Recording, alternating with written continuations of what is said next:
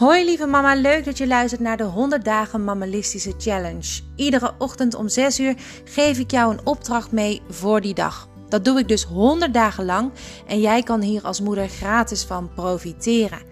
Ik doe dit om jou als moeder kennis te laten maken met het mammalisme. Iedere dag maak je kennis met een klein stukje uit de training die ik voor jou aan het ontwikkelen ben. Hopelijk word jij hier net als ik heel blij van.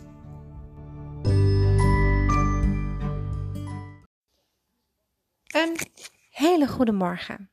Het is vandaag woensdag.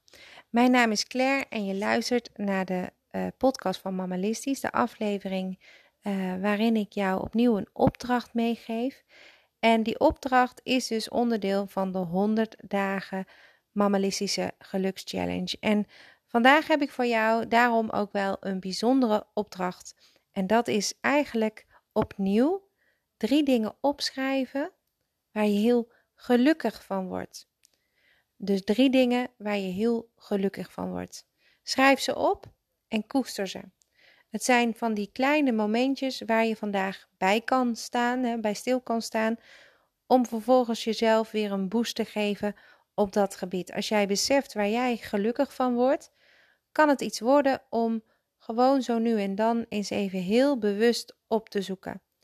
En als je dingen bewust opzoekt, en die dingen hebben te maken met geluk, dan weet jij geluk op den duur ook gewoon te vinden.